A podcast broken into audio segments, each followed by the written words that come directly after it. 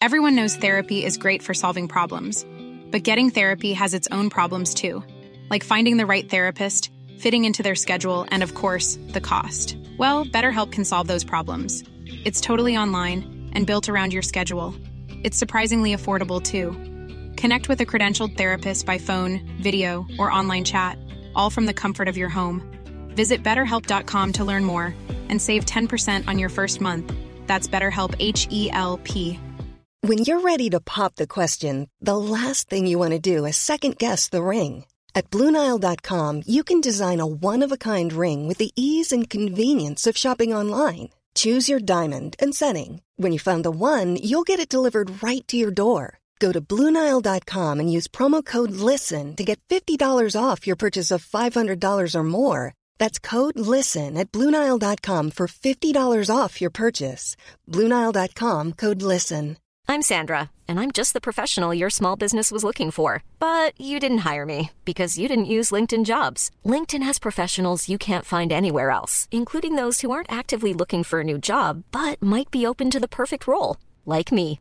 In a given month, over 70% of LinkedIn users don't visit other leading job sites. So if you're not looking on LinkedIn, you'll miss out on great candidates like Sandra. Start hiring professionals like a professional. Post your free job on linkedin.com/people today. Ryan Reynolds here from Mint Mobile. With the price of just about everything going up during inflation, we thought we'd bring our prices down. So to help us, we brought in a reverse auctioneer, which is apparently a thing. Mint Mobile unlimited premium wireless. Ready to get 30, 30, bit to get 30, bit to get 20, 20, 20, bit to get 20, 20, bit to get 15, 15, 15, 15 just 15 bucks a month. So, Give it a try at mintmobile.com slash switch. $45 upfront for three months plus taxes and fees. Promo for new customers for limited time. Unlimited more than 40 gigabytes per month. Slows. Full terms at mintmobile.com. I'm amazed how many people own stocks. They, they would not be able to tell you why they own it. They couldn't say in a minute or less why they own it. Actually, you really press them down and say, the reason I own this is the sucker's going up. There's enough cash in the financial system, and there's an infinite amount of cash at the Federal Reserve, an infinite amount of cash. Put that check in a money market mutual fund. Then we'll reinvest the earnings into foreign currency accounts with compounding interest, and it's gone. So they had to do something. All they had left was just to print money and start buying things. And that's what they did. Quick buck artists come and go with every bull market, but the steady players make it through the bear market. They say money can't buy happiness. Look at the fucking smile on my face. Hej och välkommen till ett nytt avsnitt av Market Makers. Hur är läget med dig Fabian? Strutsar du fortfarande eller har du kollat i portföljen den här veckan? Jag tror faktiskt inte jag har loggat in i portföljen den här veckan heller. Men... Vad är det för FIRE-liv egentligen man inte ens kollar portföljen? Jag trodde det var det enda man gjorde när man var FIRE. Men, men jag vet ju att SmartEye är upp 9% idag och det har man i portföljen. Men det väger nog inte upp för de senaste eh, Eh, nedgången de senaste månaderna. Det är ju för övrigt, kan vi nämna, det är tisdagen 31 augusti, alltså sista dagen i augusti. Dags att göra månadssammanställningar, så du kanske får ta och logga in ikväll i alla fall. Där släpps dock torsdag den, vad blir det då? 2 september, bara så att vi har alla datum satta. Och du, vad ska vi prata om idag? Jag tänkte ju själv i alla fall ta upp det här bolaget som har håsats upp en del på Twitter och kolla vad är det för någonting. Det är ett danskt bolag, men jag håller lite på namnet så att vi har en liten cliffhanger där. Vad tänkte du prata om? Jag tror det blir mer spel för dig, va, eller? Ja, vi, vi kör spel den här veckan igen och jag tänker så här, det senaste året så har vi pratat mycket om mindre bolag, eh, kanske lite förhoppningsbolag nästan, i alla fall de senaste avsnitten. Kanske inte förra avsnittet då vi snackade om Embracer, men vi har varit rätt fokuserade på mindre bolag, så därför tänkte jag att ja, vi kanske ska snacka om ett större bolag. Det är nog inte allas kopp te att investera i de här mikrobolagen. Och därför vaskade jag fram ett stort bolag som många nog har hört talas om, som är rätt intressant just nu och det är Take-Two Interactive. Ja, det ser Spelbolaget bakom Grand Theft Auto och Red Dead Redemption bland annat. Riktigt kvalitetsbolag får man ändå säga. Men vi kommer in på det lite grann mer. Men det där tror jag är helt klokt. Det känns överlag som att amerikanska börsen är jävligt intressant. Jag såg att Apple nu spräckte 2,5 trillion dollars i börsvärde och det mesta går ju liksom upp i USA.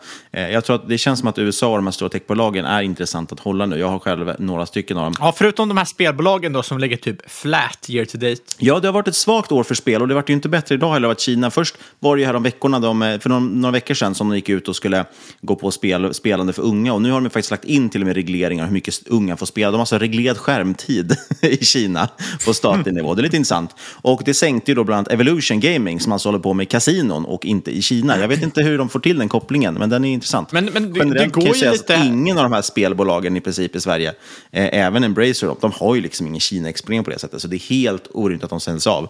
Eh, det får man väl då kanske nyttja om man är en långsiktig investerare. Det går ju lite hand i hand med den här äh, techbasen de har haft i Kina där de har äh, i- stort sett bannlyst vissa techbolag eller liksom tagit bort dem från App Store och så vidare. Och äh, det har väl med samhällspåverkan att göra i efterhand kan man kan, kan, är det i alla fall rätt lätt att tro nu i och med att de begränsar speltiden för under 18-åringar. Nej, man har ju gått hårt åt mot entreprenörer i Kina överlag.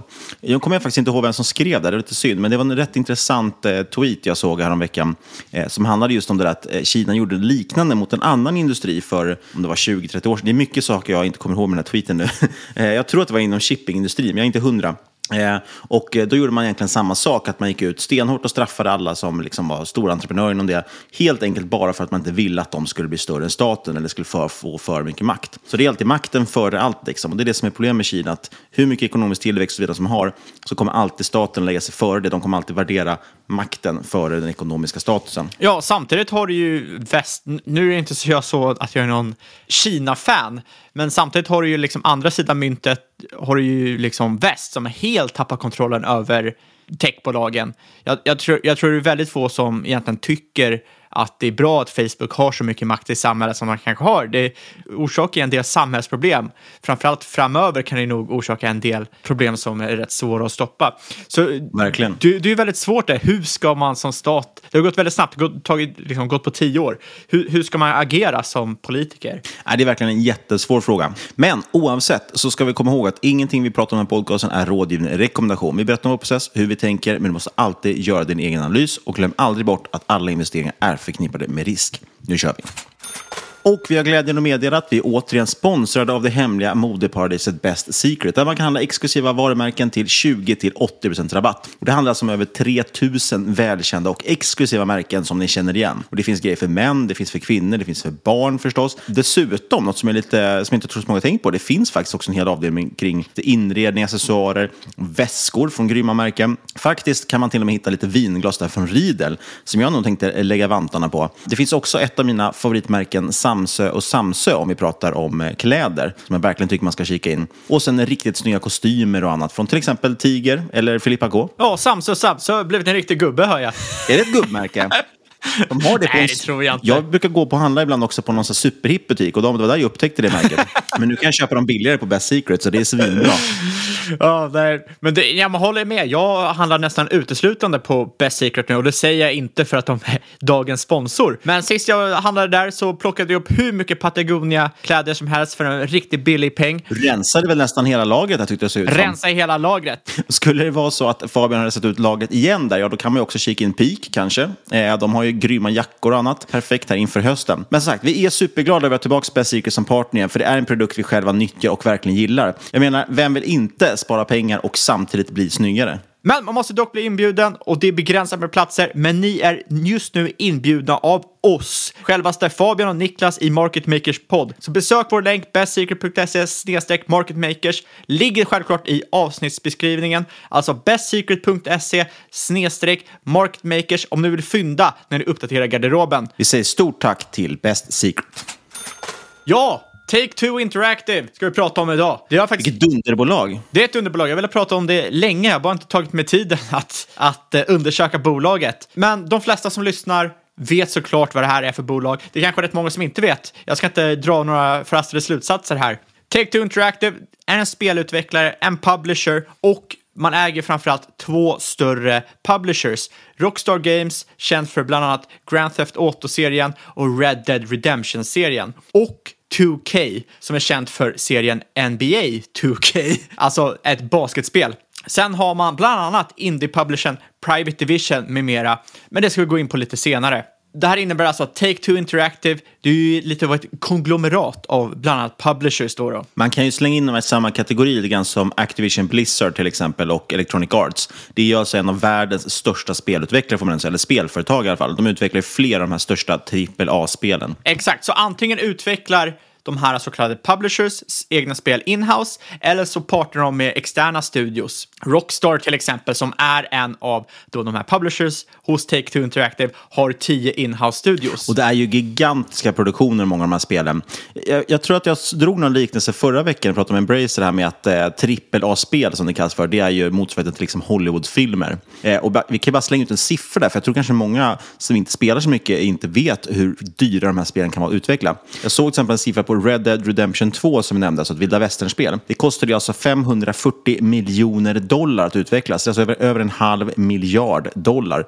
Eh, det är pengar det, kan man säga. Absolut, men de får ju tillbaka pengarna på investeringen. Förhoppningsvis. Jo, jo, men just Take-Two får ju det. Och Rockstar framförallt får ju det. Precis. Och det är det som är så intressant med Take-Two, det är att se hur långlivade deras IPn tenderar att vara. Då Grand Theft Auto, det här Open World Action-spelet, du kan skjuta någon, du kan stjäla en bil, du kan göra nästan vad du vill. Eh, GTA 5, alltså den femte upplagan i serien, släpptes 2013 och har sedan dess dragit in 9 miljarder dollar eh, sen släpp. Det är alltså 30 gånger utvecklingskostnaderna för spelet. Det är helt enkelt en rejäl kassako och eh, det fortsätter att växa och dra in cash. Åtta år senare, efter släpp, fortsätter GTA 5 att sälja uppemot 20 miljoner kopior om året. Och en stor anledning till det här är att GTA 5 inkluderar GTA Online, alltså en online-version av spelet. Och det här gör att man kan ladda ner mer content och spela ihop med andra spelare. Jag kan ju bara nämna för egen del. Jag har ju själv köpt GTA 5 två gånger. Först köpte jag det till konsol för ett antal år sedan när det kom. Och sen har jag köpt det igen till datorn när jag tror det var Epic Games som redde ut det. Eh, och spelar det fortfarande någorlunda regelbundet faktiskt med polare och sådär online. Så att det är absolut ett spel som fortsätter leverera pengar. Ja, och sen är det ju också så här spel som GTA, det, liksom, det formar ju communities där folk börjar bygga upp sina egna modifikationer på spelet. Jag vet att det är ett, en mod som heter eh, No Pixel och det var otroligt populärt eh, eh i GTA senaste året och framförallt på Twitch där streamers har spelat det. Och det är i stort sett, eh, du jobbar, du tjänar pengar, betalar skatt, skaffar boende.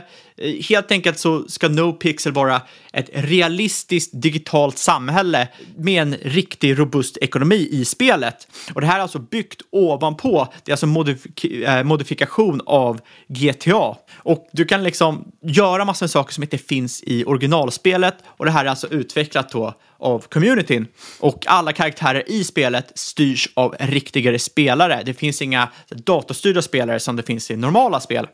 Och det är det som är så intressant med Rockstar och Take-Two allmänt. Att över tid så släpper Rockstar mer content till sina spel, vilket gör att de behåller hög engagement och framförallt monetarisering. GTA har nu 40 miljoner monthly active users. Det är ju faktiskt bättre än många SaaS-bolag. Och Eh, framförallt bättre än många sna- SaaS-bolag är att GTA Online drar in cirka 500 miljoner dollar om året. Och trots att det har ålder på nacken, åtta år gammalt, så trendar det här, de här intäkterna faktiskt uppåt. Ehm, I alla fall enligt management. Så det ska bli extremt intressant nu att se vad kommer hända med GTA 6 som förväntas släppas om några år. Ehm, kommer det tas emot väl?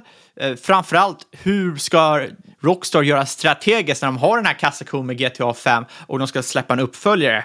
Ja, det, blir, det ska bli väldigt, väldigt intressant att se. Det jag tycker man ska ta med sig i alla fall är framgångsrika spel-IPn är extremt långlivade. Allt fler börjar förstå det här, men många sitter fortfarande kvar i tron att spelare snabbt hoppar från ett spel till ett annat och helt glömmer bort det andra spelet. Men så är det inte med ett bra spel. Ett bra, framförallt online-spel, har möjligheten att bygga upp exakt samma nätverkseffekt som en social medieplattform.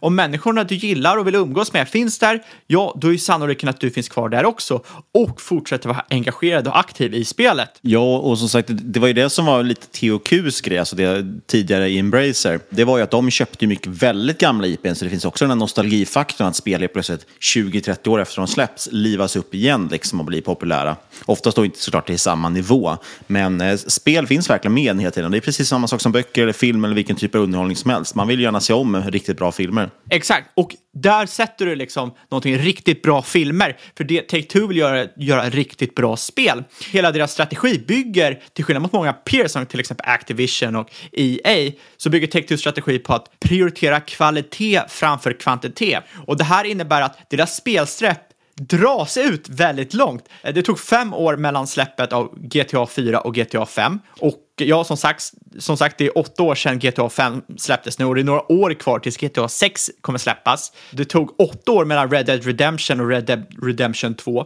Och det kan ställas i kontrast med Activision och EA som vanligtvis släpper ett nytt spel, en nytt version av ett spel varje eller vartannat år. Och det enda egentligen som bryter det här i Take-Twos portfölj, det är ju 2K med deras sportspel som till exempel NBA 2K eftersom då de här sportspelen tenderar att släppas varje år eftersom de följer förändringarna i de verkliga ligorna.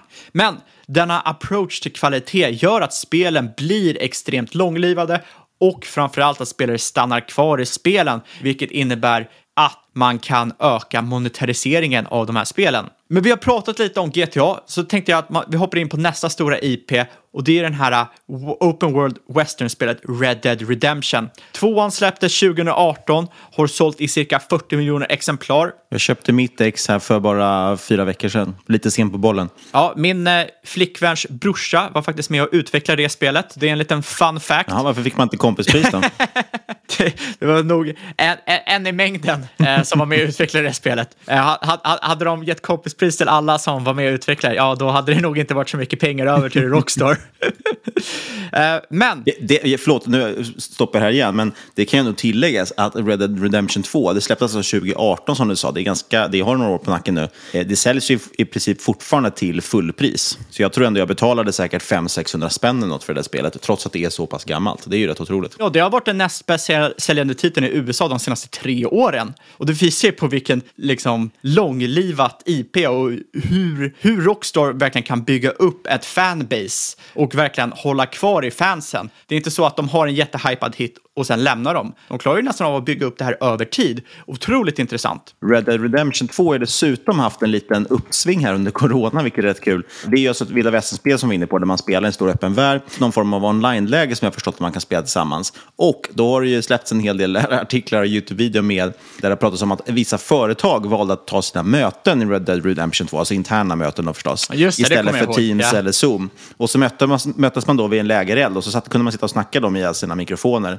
eh, fast man var vilda västern-karaktärer. Ganska rolig grej. Och sen ibland helt plötsligt kom det, liksom, vart man över, överfallen av banditer eller någonting, eller i, i mötespauserna kunde man springa iväg och köra lite uppdrag kanske. Så det är rätt, rätt komisk grej. Nej, men he helt rätt. Det är nog mycket lättare för många att hålla koncentrationen när de kan sitta runt en eld och springa runt och döda lite liksom, renar. Eh, än, än, eller rådjur kanske det heter, inte renar. Än det är att sitta och kolla på en massa tråkiga människor i en Zoom-call. Men så, såklart, Rockstar har ju inte bara GTA och Red Dead Redemption. De har ju andra stora IPn eh, som eventuellt kan få nya spel. Till exempel LA Noir, Max Payne, Midnight Club, men det är viktigt att ta med sig här Rockstars två juveler, två diamanter. Det är Red Dead Redemption, det är GTA. Sen har ju Take-Two också Publishen 2K. Monsterhitten där är ju NBA 2K-serien. Det är alltså ett basketspel som återkommer årligen i ny upplaga. Man har licens med NBA att skapa det här spelet, men till skillnad mot många andra spel, till exempel EA's eh, fotboll, amerikanska fotbollsspel, så har inte Take-Two eller eh, 2K en exklusiv licens att göra det här spelet. EA har faktiskt ett eget basketspel, men över tid så har 2K blivit en winner take all hos basketfans. Ingen spelar EA-spelet, alla kör 2K-spelet. Och det ser man inte minst på försäljningen.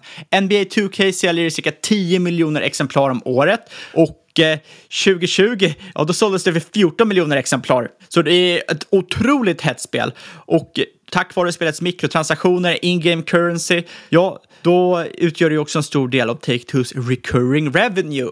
Så det är inte bara det att de har eh, eh, liksom monetarisering över lång tid, de har återkommande intäkter. Spelet har Alltså NBA 2K har 2,7 miljoner dagliga spelare och drar ungefär in 700 miljoner dollar om året i recurring revenue.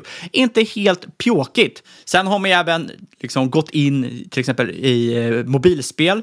NBA 2K21 släpptes på Apple Arcade tidigare i år, har varit en extremt stor hit. Man har även startat en eh, NBA 2K-liga i samarbete med NBA. Det är alltså en e-sportsliga för spelet.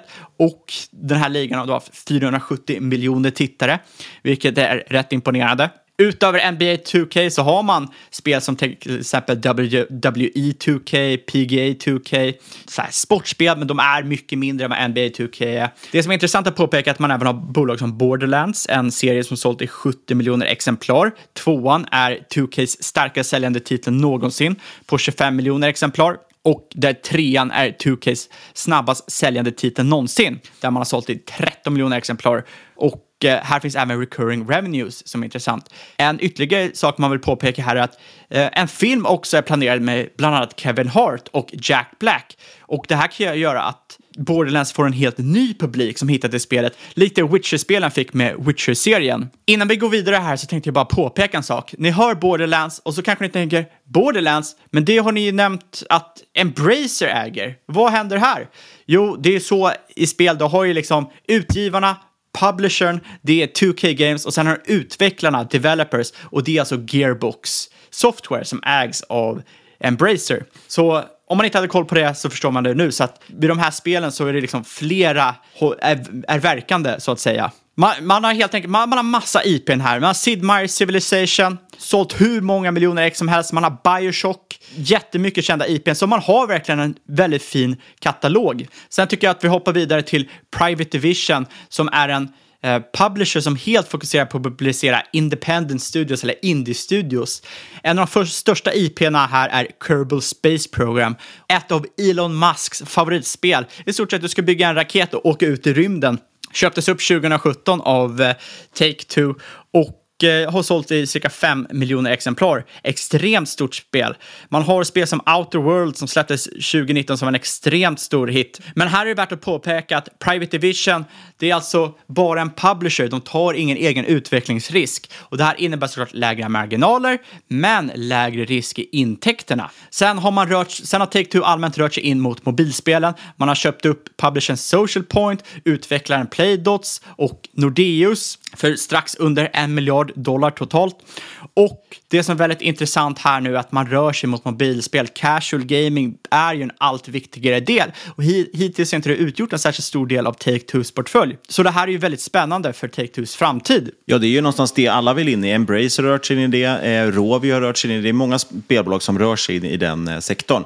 Helt enkelt för att det är en stor växande publik. Det är också en lite annorlunda målgrupp. Det är, generellt pratar man också ofta om att det kanske är mer till exempel medelålders kvinnor som spelar mycket casual games. Det är väl den största målgruppen till exempel för Candy Crush. Det här skiljer sig ganska mycket ändå från hur målgruppen historiskt fall har sett ut för många andra typer av spel som GTA och så, där det kanske mer är unga män. Så jag förstår att man vill bredda liksom, portföljen och nå den här typen av eh, kunder också.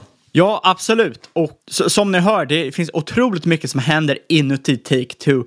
Mm, vi har inte riktigt tid att liksom djupdyka i varje del av portföljen, men det ger en liten enklare överblick. Men det som är intressant att påpeka är att i och med att bolaget växer så gör även deras pipeline det. De kommande fem åren har man nästan 100 spel i pipelinen och eh, det här gör man genom att till exempel anställa fler organiskt och till exempel via stora uppköp. Och då, varför är Take-Two så intressant? Ska man sammanfatta det här enkelt så är det stark strukturell tillväxt i spelsektorn, en väldigt stark spelportfölj i kombination med en kanske lite för billig värdering på bolaget. Så hoppar man in i det första då, då gamingindustrin växer snabbare än alla andra underhållningsmedium. Det vet ni säkert om. Netflix, Reed Hastings har sagt att deras största konkurrent är Fortnite och då menar han inte nödvändigtvis liksom Fortnite tv-spelet utan tv-spel allmänt. Och eh, det är antagligen en av anledningarna varför Netflix sa här om veckan att ja, de skulle bredda sig in i tv-spelsbranschen. För den eh, förväntas ju växa med ett kagger på mellan 5 till 10 procent de kommande åren. Och det som är framförallt intressant med tv-spel att till skillnad mot film så har de en helt annan skalbarhet. Och med skalbarhet så finns ju även recurring revenue. Red Dead Redemption till exempel tar allt från 50 till 150 timmar att spela igenom. Jämför det här med till exempel Avengers Endgame som tar typ två timmar att kolla på. Så även om du kollar om Avengers Endgame, jag menar en gång i halvåret de närmsta två, tre åren, då är inte ens det liksom en, ens en liten bit av hur lång tid du kommer vara engagerad i Red Dead Redemption 2 om du ämnar att spela klart det spelet. Sen lägger man på en online-version som man har gjort i Red Dead Redemption eller GTA till exempel, ja, då är man ju teoretiskt sett aldrig klar med spelet. Och det här leder ju in till det som kallas för gaming as a service. För tidigare handlade ju spelsläpp om att man utvecklar ett spel och sen plockar man en engångssumma när spelet har släppts och det gör att man har väldigt stora boom and bust-cykler, går Går spelsläppet bra? Ja, då får man jättemycket pengar. Går det dåligt? Aj, då går det inte så jättebra fram tills nästa spelsläpp. Men över tid har det här skiftat, den här modellen har ändrats. Och mycket är på grund av distributionen från fysiskt till digital. Och man har börjat föredra en mer SAS-aktig karaktär. Eh, man föredrar intäkter över tid och det här har visat sig öka ROI för bolaget. Framförallt för att det här gör ju att man kan släppa mer content över tid. Det är väldigt svårt att släppa ytterligare content fysiskt. Det är bra mycket lättare att släppa det digitalt. Till exempel via expansionspaket, DLCs, mikrotransaktioner som är extremt stort nu. Ni vet ju alla hur stora skins är i till exempel Fortnite. Det är inte lika lätt att släppa det fysiskt som det är digitalt. Och det här har gjort att Take-Twos intäkter blivit mer utjämnande över tiden. Och det här är ju rätt viktigt eftersom historiskt sett så har man inte släppt spel på en särskilt tight deadline. Det har ju gått flertalet år mellan spelsläpp. Och att kunna jämna ut den här, de här intäkterna är otroligt viktigt för aktieägarna. Sen har de ju de här extremt starka IP'na. De ger mångåriga intäkter, extremt stark stickiness. Ehm, de här sporttitlarna som NBA 2K, de har ju en winner take all-effekt. Och eh, kvalitativa IPn som GTA har tydligen, som man ser här, väldigt lång hållbarhet och intäktsmöjligheter. Och det man ska påpeka här är ju att Take-Two är top of the pack när det kommer till starka IPn inom gaming. Bara för att liksom visa hur populär IPn är. Ehm, Rockstar Rockstar håller på att jobba nu med remasters av GTA-serien och det förväntas ju vara en eh, kanonhit för att vara en remaster, det vill, säga. Och förutom då sina starka IPn så har man en otrolig pipeline på G. Och det här innebär ju en extremt stor optionalitet för framtiden. Vissa av de här spelen kanske blir nya franchises. Utöver det så har man ju även stor optionalitet i de här nya mobilförvärven. Casual games som sagt blir ju allt viktigare. Och 21 av de här spelen i pipen är mobilbaserade. Mobil är väldigt liten del av Take-Two. Över tid kanske det blir en större del. Eh, kolla på Activision, menar, deras tre viktigaste intäktsbringare, det är ju Call of Duty, det är World of Warcraft och det är Candy Crush. Och Candy Crush är ett mobilspel. Det är bara för att det lockar in en helt annan publik än vad många andra spel gör. En av de stora riskerna jag ser, det finns såklart fler risker, vi har inte riktigt tid att hoppa in på alla risker. Den, en av de största riskerna jag ser för Take-Two är övergången mellan de här stora titlarna. Eh, mycket rider på till exempel övergången från GTA 5 till GTA 6. Hur kommer det här påverka revenues? Trots att eh, man har en väldigt stor pipeline så är bolaget väldigt beroende av GTA. Så vad händer om man får en händelse likt Cyberpunk för CD Projekt Red? Det här spelet som har hypat i hur många år som helst för att totalt floppa när det, när det släpps. För det är fullt med, eh, fullt med buggar, folk kan inte spela det, folk vill inte spela det. Eh, och det slutar med att CD Pro Projekt Red helt havererar på börsen. Och det här är väl en eh, relativt ja, liksom stort orostecken så jag tror att alla spelinvesterare såklart är oro oroligare för. Det går inte bara att lita blind på att ett spel ska bli bra.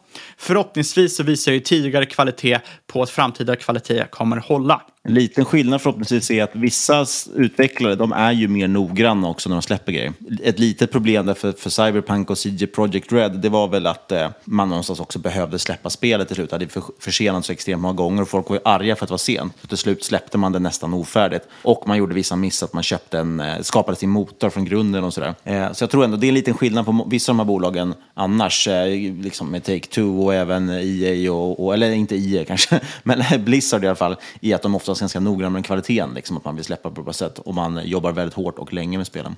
Så generellt tycker jag att det är, Take-Two kan på många sätt ses som ett hyfsat, tycker jag, lågrisk-case ändå, för att de har funnits så länge och har så mycket stora IPn som du var inne på. Så här är det snarare det att man får titta på värderingen och förstå att det kanske inte heller är ett bolag som kommer växa liksom, eh, 100% per år Mm. eller någonting. Nej, så, så är det absolut inte. Det här är ju liksom en...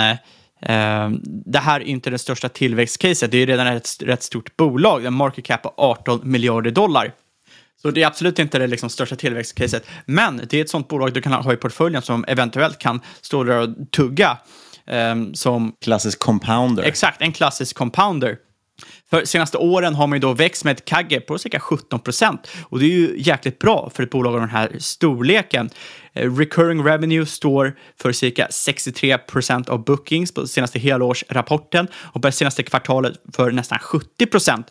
Så recurring revenue börjar bli en allt större del av businessen.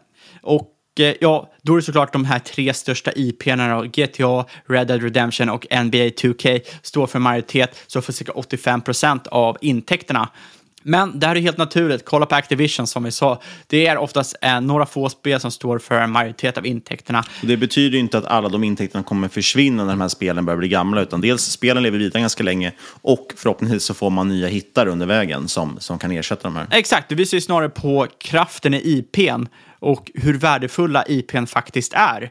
Hur mycket de kan fortsätta generera över tid. Det som är intressant med de här äh, stora och växande äh, recurring revenues från Take-Two större IPn är att de här kassaflödena, ja det utgör ju en majoritet av äh, Take-Twos bolag. Men också att det i stort sett, ja de här kan ju värderas till ungefär hela Take-Twos nuvarande market cap. Och det gör ju att eh, man får de här cirka 100-ish spelen som finns i pipen och de andra spelkatalogen nästan till gratis. Och det är det som är rätt attraktivt nu med, med Take-Two. Det är alltså en extremt stor optionalitet och nästan en gratis katalog om man bortser då från de, de större spelen som egentligen bolaget värderas efter. Bruttomarginalen ligger på cirka 53 procent. Eh, return on equity, alltså avkastning på eget kapital, på 20 procent. Return on invested capital är 19 procent. Buffetts favorittal som för övrigt fyllde 91 år, inte nyckeltalet utan Buffett, så det får vi säga grattis till honom. Grattis, grattis! Jag har hört på omväg att han lyssnar via tolk. Ja, det är bra. Lite, lite Donken och koka ikväll, så fan. Sitter det fint. Uh, I alla fall, nu ska jag fan avsluta det här. Jag blir lite tagen på sängen här att Buffett gjorde en 3. EVS 5, EV-EBIT 23. Kikar man på ebitda-multipeln så eh, normaliserar man den så ser det ut som det är fair value. Men det är såklart för att ja, man har den här corona-effekten som fortfarande ligger och spökar. Kikar man fram ett eller två år, ja, då ser faktiskt Take-Two rätt billigt ut just nu jämfört med vad man har gjort historiskt. Och man kan även kolla på de här P talen och sådana saker, hur nu relevant det är för den här typen av bolag. Men handlas det P 28 ungefär och det är ett PEG-tal på 0,6 för att de har växt pass mycket. Absolut, men då är det såklart lite coronadopat. Ja, för att sammanfatta Take-Two och caset här, för vi blev lite eh, röjiga här mot slutet. Så Take-Two är ett bolag med utomordentliga IPn. De har verkligen visat på varaktighet, de har visat på stickiness, de har visat att de kan monetarisera sina spel. Och framförallt att det inte handlar om engångsförsäljningar, det handlar om recurring revenues, så vilket är superviktigt. Take-Two har nästan 100 titlar planerade inför släpp eh, 2025 och eh, samtidigt som det här så ja, så värderas bolaget nästan helt utefter deras tre stora spel, GTA Red Dead, Red Dead Redemption och NBA 2K. Extremt värdefulla eh, spel och IPn såklart. Men betyder det här att man får resten av katalogen gratis? Det är det som är caset.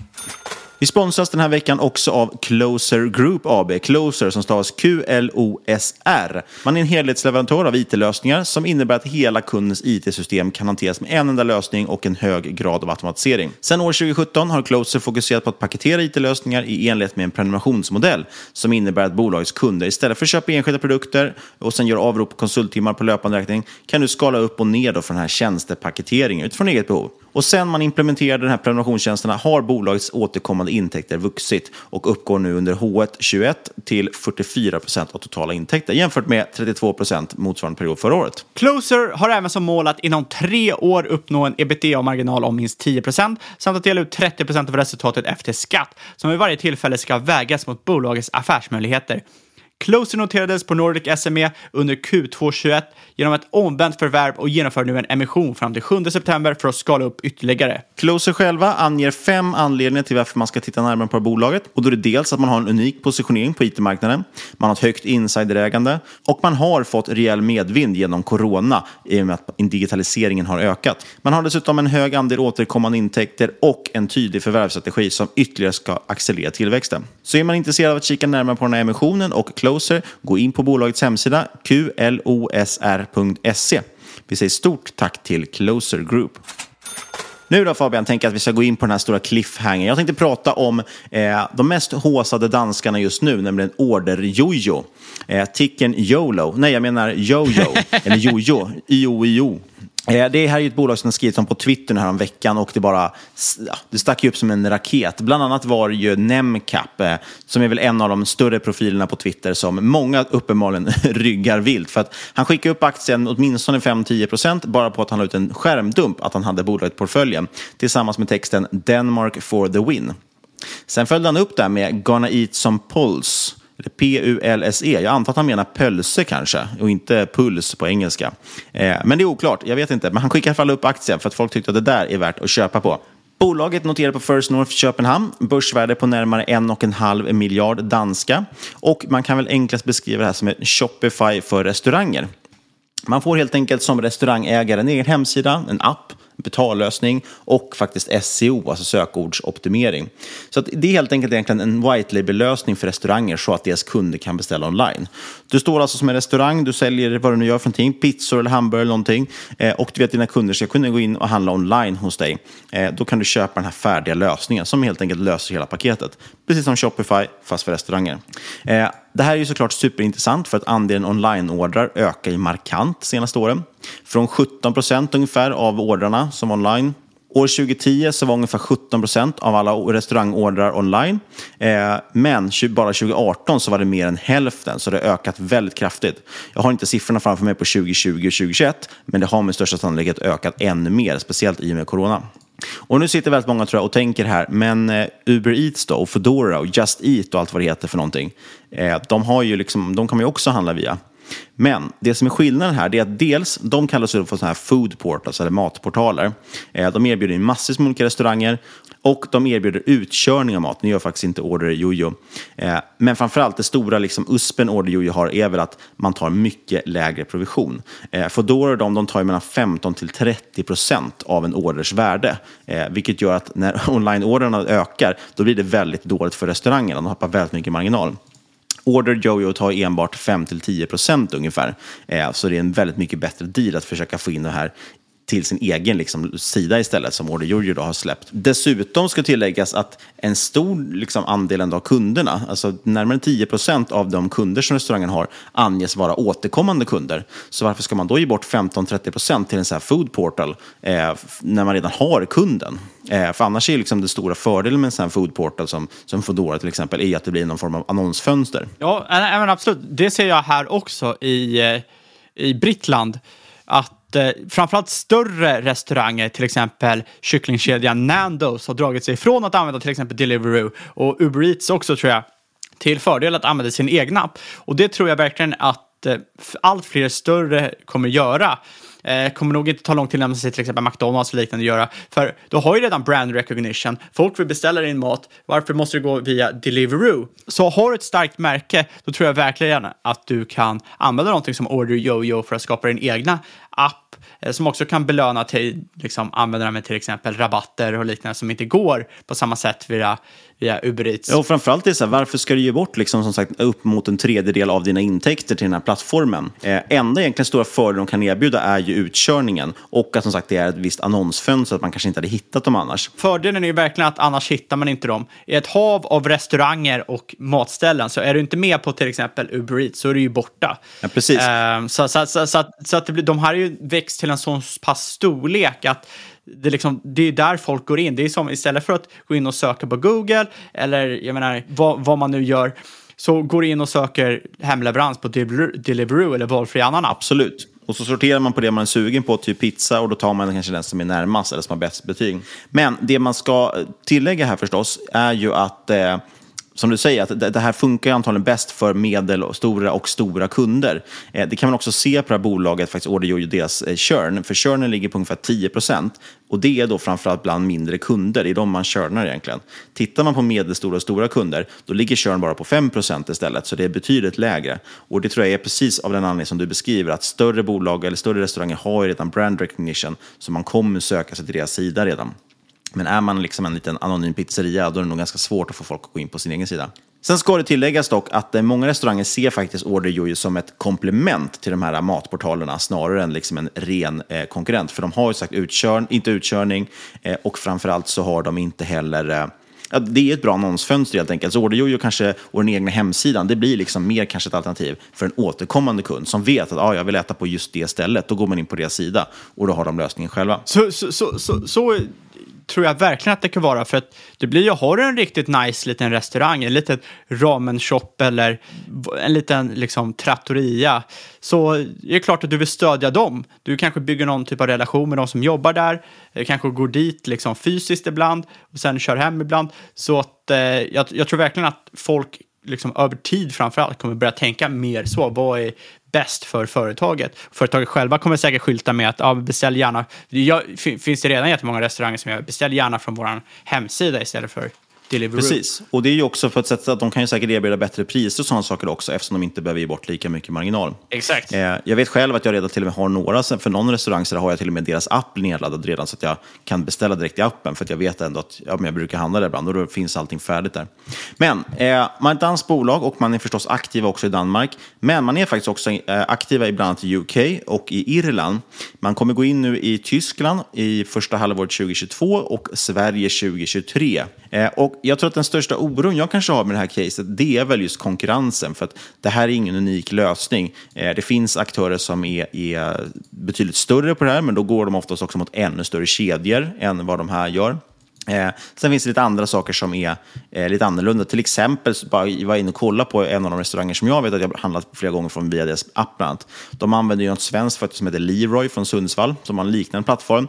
Den verkar dock vara lite mer heltäckande, där man har lojalitetsprogram, kassasystem, backoffice och så vidare.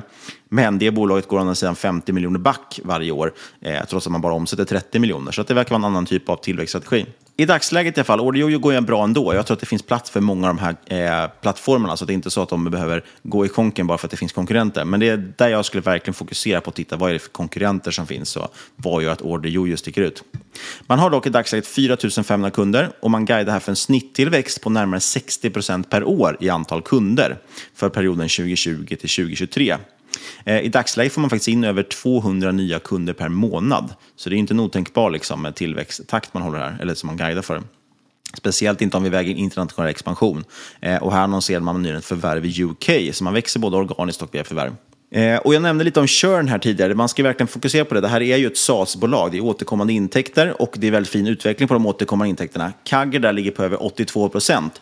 Men med en stor brasklapp här att det är för 2018 till 2020 så är det en extremt kort tidsperiod man mäter.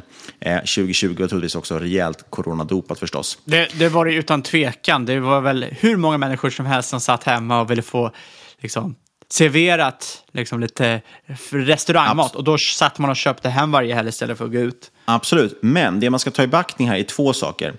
Dels eh, att det är coronadopat behöver inte vara negativt. Det betyder att man har fått in många kunder, folk har vant sig vid online-ordrar och vill fortsätta med det. Jag till exempel gör alltid så de gånger jag går ut och käkar lunch, eller köper lunch, då gör jag alltid så att jag förbeställer så man bara hämtar grejerna. Det är betydligt mycket bekvämare än att åka dit, stå, liksom beställa maten och så stå och vänta på den. Eh, så det här är ju något beteendeskifte som, som kommer bestå, tror jag i alla fall. Det är väldigt smidigt. Ja, det är ju eh. extremt smidigt. Jag och tjejen kom fram till att senaste månaderna så har vi ju beställt hem mer än vad vi har gått gått ut och käkat. Vilket är lite deprimerande, men också jävligt smaskigt. det andra också jag tycker man ska tänka på, det är ju som sagt att de har inte utkörning. Så att jag tror att de här utkörningsapparna, de har ju nog blivit ännu mer coronadopade om vi nu ska liksom väga det mot varandra. Eh, Ordejojo är fortfarande att du måste gå och hämta maten själv oftast, eh, vilket betyder att jag tror att eh, den här coronadopningen kanske inte blir lika kraftfull. Ska säga. Ett annat nyckeltal som man anger som är intressant, det är ju CAC, det vill säga Customer Acquisition Cost, och hur fort, lång tid det tar innan man får payback på den. Och det ligger på sex månader. Så alltså efter att man fått in en kund, då man lägger ut en viss kostnad liksom för att försöka vinna över en kund, och det tar ungefär ett halvår innan den kunden kunden är betald. Så det är en ganska bra, bra period på det tycker jag ändå. Eh, bruttomarginal över 90 procent. Det är ju rätt intressant också. Det är verkligen tydligt att det är ett SaaS-bolag. Eh, just nu går man dock inte med vinst. Eh, och jag noterade att siffrorna på börsdata tycker jag inte riktigt ser ut att stämma. Kan ha att göra med att det är ett ganska nynoterat bolag. Vet inte om jag nämnde det, men de noterades ju faktiskt 2 juli 2021, så det är väldigt, väldigt nytt på börsen. Jag såg i alla fall att börsdata hade felaktig bruttomarginal, så jag vågar inte lita på multiplarna där heller. Men vi kan väl bara enkelt snabbt göra en liten kalkyl att de omsätter 53 miljoner första halvåret 2021. Vi ser att de kanske gör 120 på helåret. Vissa kommer tycka att det är optimistiskt, vissa kommer tycka att det är negativt. Eh, men med de siffrorna så ligger då price of sales på ungefär 12,5. Jag har sett vissa som, som prognostiserar att, att på 2023 års eh, omsättning så handlas det till fem gånger, vinst, eller fem gånger omsättningen. Eh, jag tycker det är lite svårt att dra ut så långt, men eh, ja, det får stå för dem. Då. Så det är många helt enkelt som tror att det här... Jäkla, hå- jä, jäkla. Verkligen. Det är många som tror att det här är Eh, då... nä, Nästan tio gånger pengarna Ja, på men det är många år. som tror att det här är billigt värderat med tanke på den guidance man har och de tilläggssiffror man kan ha. Jag är inte riktigt rätt person att avgöra det, men jag tycker att absolut att det ser hyfsat intressant ut. Men det ska tilläggas att det är ett ganska litet bolag, eh, ganska lång likviditet och så vidare och många profiler som har lagt ut där. Aktien har redan gått 100% nästan sedan noteringen. Då. Eh, två man kan följa i alla fall om man är intresserad av att läsa mer om det här, det är Mikael Kjär och Mr D på Twitter. Vi lägger en länk till båda de två i avsnittbeskrivningen och så ber jag direkt urs om ursäkt till Mikael för att jag slaktade hans namn. Mikael Kjär. Precis. Eh, nej, så att, eh, jag ville bara dra upp det där caset grann, just eftersom det har nämnts så mycket på Twitter och eh, jag tror att många är nyfikna kanske på vad bolaget gör. Jag har hört från folk inom restaurangbranschen i alla fall att det är en väldigt bra lösning. Och med det så avrundar vi den här veckans avsnitt tycker jag. Och då ska vi som vanligt diskutera lite innehav. Har du innehav i något av de här två bolagen vi har pratat om idag? Nej, det har jag inte, även om jag tycker de är väldigt intressanta. Som sagt, jag har tappat bort nycklarna till min portfölj, så jag har inte rört det på länge. Det, kommer, det är lite som med såna här, folk som tappar bort nycklarna till sin bitcoin-plånbok. Så säger att jag hade varit många miljardär idag. Så kommer det vara för Fabian här om år 2072. Men- ah, han hade varit rikare än Buffett nu om man bara hittat inloggningsuppgifter på sitt Avanza-konto. Gre grejen var ju att det var ju så ett litet tag för att eh, jag hade ju en så jäkla gammal mobil så att eh, eh, BankID slutade ju funka på den. Så jag kunde inte logga in. Och sen var jag för jävla... Nu har jag ju köpt en ny mobil här, men ja, det var väl några månader jag inte kunde logga in på, på börsen. Det var en månad kanske, så några månader är lite att ta i, men det funkar ju rätt bra. Ja, det är helt, helt rätt tror jag. Eh, jag har inte heller något innehav i det här. Jag har ägt Take-Two tidigare faktiskt och jag måste säga att det ser väldigt, väldigt intressant eh, värderat ut nu. Men just precis nu har jag det faktiskt inte. Oavsett vad vi äger så är inget i den här podcasten rådgivning. Alla åsikter var egna, LVS och eventuella sponsorer tar inget ansvar för det som sägs i podden. Tänk på att alla investeringar är förknippade med risk och sker under eget ansvar. Med det sagt så vill vi rikta ett stort tack till dagens sponsorer bestsecret.se, det hemliga modeparadiset. Ni är härmed inbjudna att joina bestsecret.se. Gå in på bestsecret.se slash marketmakerspod. Vi vill också rikta ett stort tack till Closer Group AB. Läs mer om Closer och emissionen på bolagets hemsida Closer, alltså Q-L-O-S-R på .se. Kontakta oss jättegärna på podcast at marketmakers.se eller på Twitter at marketmakerspod. Eh, och så får man förstås också jättegärna lämna en recension på iTunes. Och sist men absolut inte minst vill vi säga stort tack kära lyssnare för att du har lyssnat. Vi hörs igen om en vecka.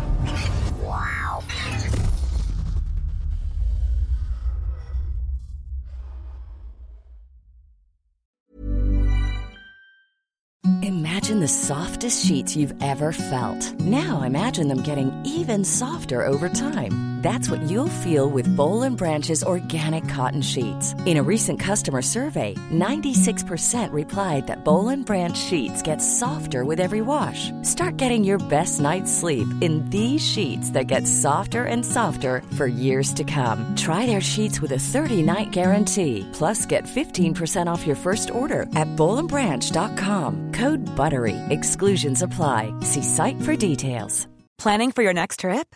Elevate your travel style with Quince. Quince has all the jet setting essentials you'll want for your next getaway, like European linen, premium luggage options, buttery soft Italian leather bags, and so much more. And is all priced at 50 to 80% less than similar brands. Plus, Quince only works with factories that use safe and ethical manufacturing practices.